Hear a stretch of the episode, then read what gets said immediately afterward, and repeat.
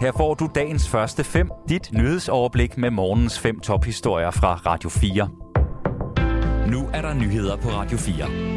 Det er onsdag den 21. december i studiet Henrik Møring. Enhedslisten fastholder kritikken af Folketingets formand Søren Gade, som ved siden af formandsposten har en række bidjobs. I går besluttede et flertal i udvalget for forretningsordenen i Folketinget, at venstremanden blandt andet kan fortsætte som bestyrelsesformand for Esbjerg Havn. Bidjobbet i Esbjerg Havn indbringer Søren Gade 300.000 kroner, oven i de cirka 1,7 millioner, han tjener om året som formand for Folketinget. Det skaber tvivl om formandens habilitet, siger enhedslistens gruppeformand Peter Velblund til TV2. Det er svært ved at se, hvorfor man skal optage en plads i Esbjerg Havns bestyrelse, som jo i øvrigt også giver 300.000. Men, men det afgørende er sådan set ikke pengene. Det er sådan set det, at med det omdømme, der er i forhold til, til værv som Folketingets formand, der bør man simpelthen ikke uh, skabe den tvivl, om man også uh, skal varetage andre interesser end, end det at være Folketingets formand. Søren Gade afviser kritikken. Ingen af de tre personer, der tidligere har fortalt om overgreb i Vor Frue Kirke i København, er blevet interviewet i forbindelse med en advokatundersøgelse, som Kirkeministeriet har bedt om at få lavet om sagen, det skriver Berlinske. Asbjørn Møller fortæller. Overgrebene skal have fundet sted i 1990'erne og 2000'erne. En af de personer, der tidligere i år fortalte om krænkende adfærd begået af en centralt ansat i kirken, bekræfter over for avisen, at han ikke er blevet forsøgt kontaktet i forbindelse med undersøgelsen. Jeg kan bekræfte, at jeg ikke på noget tidspunkt er blevet forsøgt kontaktet af advokaterne bag undersøgelsen, siger han. Heller ikke den domkirkepræst, der i sin tid politianmeldte den ansatte, er blevet kontaktet i forbindelse med undersøgelsen. I undersøgelsen, der er lavet af advokatfirmaet Kruman Røgmert, fremgår det af sammenfatningen, at man ikke finder tilstrækkeligt bevismæssigt grundlag til at konkludere, hvad der er sket mellem medarbejderen og den mindreårige. Det er til trods for, at den daværende mindreårige ikke er blevet spurgt. Af kommissoriet fremgår det, at Krumman Røgmert ikke tager kontakt til personer, der ikke selv har taget kontakt til advokatfirmaet. Samtidig fremgår det dog også, at advokaterne kan bede kirkeministeriet om at gøre det. Hverken advokatfirmaet eller kirkeministeriet vil udtale sig om sagen.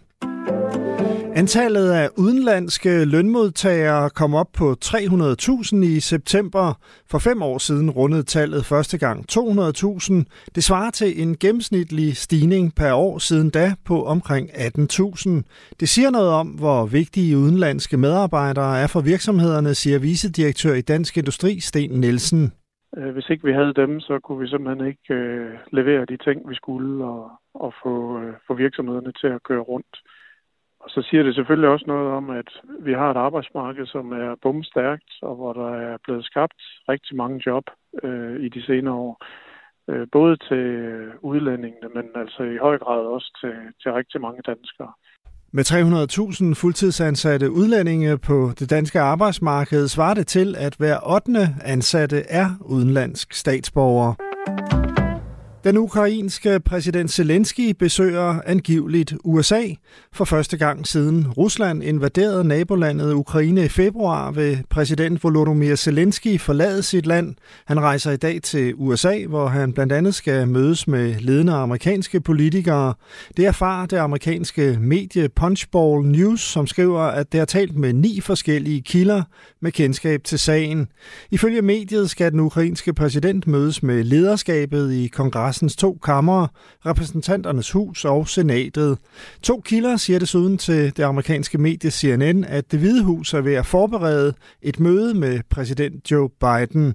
Besøget er ikke bekræftet af officielle kilder. Et kongresudvalg vil offentliggøre Trumps selvangivelser. Udvalget i USA's lovgivende forsamling har stemt for at offentliggøre tidligere præsident Donald Trumps selvangivelser fra årene 2015 til 2020, det skriver AFP. Beslutningen kommer efter flere års togtrækkeri, hvor Trump har kæmpet for at holde sine skatteforhold for sig selv, mens hans finansielle baggrund har været genstand for kontroverser. Elon Musk vil stoppe som topchef for Twitter, når han finder en, der er tåbelig nok til at overtage. Det skriver han på Twitter. Jeg vil træde af som administrerende direktør, så snart jeg finder en, der er tåbelig nok til at tage jobbet, skriver han på det sociale medie i nat. Meldingen kommer efter, at et stort flertal af brugerne på Twitter havde stemt ja til, at Musk skulle træde tilbage som direktør. Dagens første fem er tilbage igen i morgen tidlig. Hvis du har brug for en nyhedsopdatering inden da, kan du altid fange os i radioen, på nettet og i vores app. Vi høres ved til dagens første fem fra Radio 4.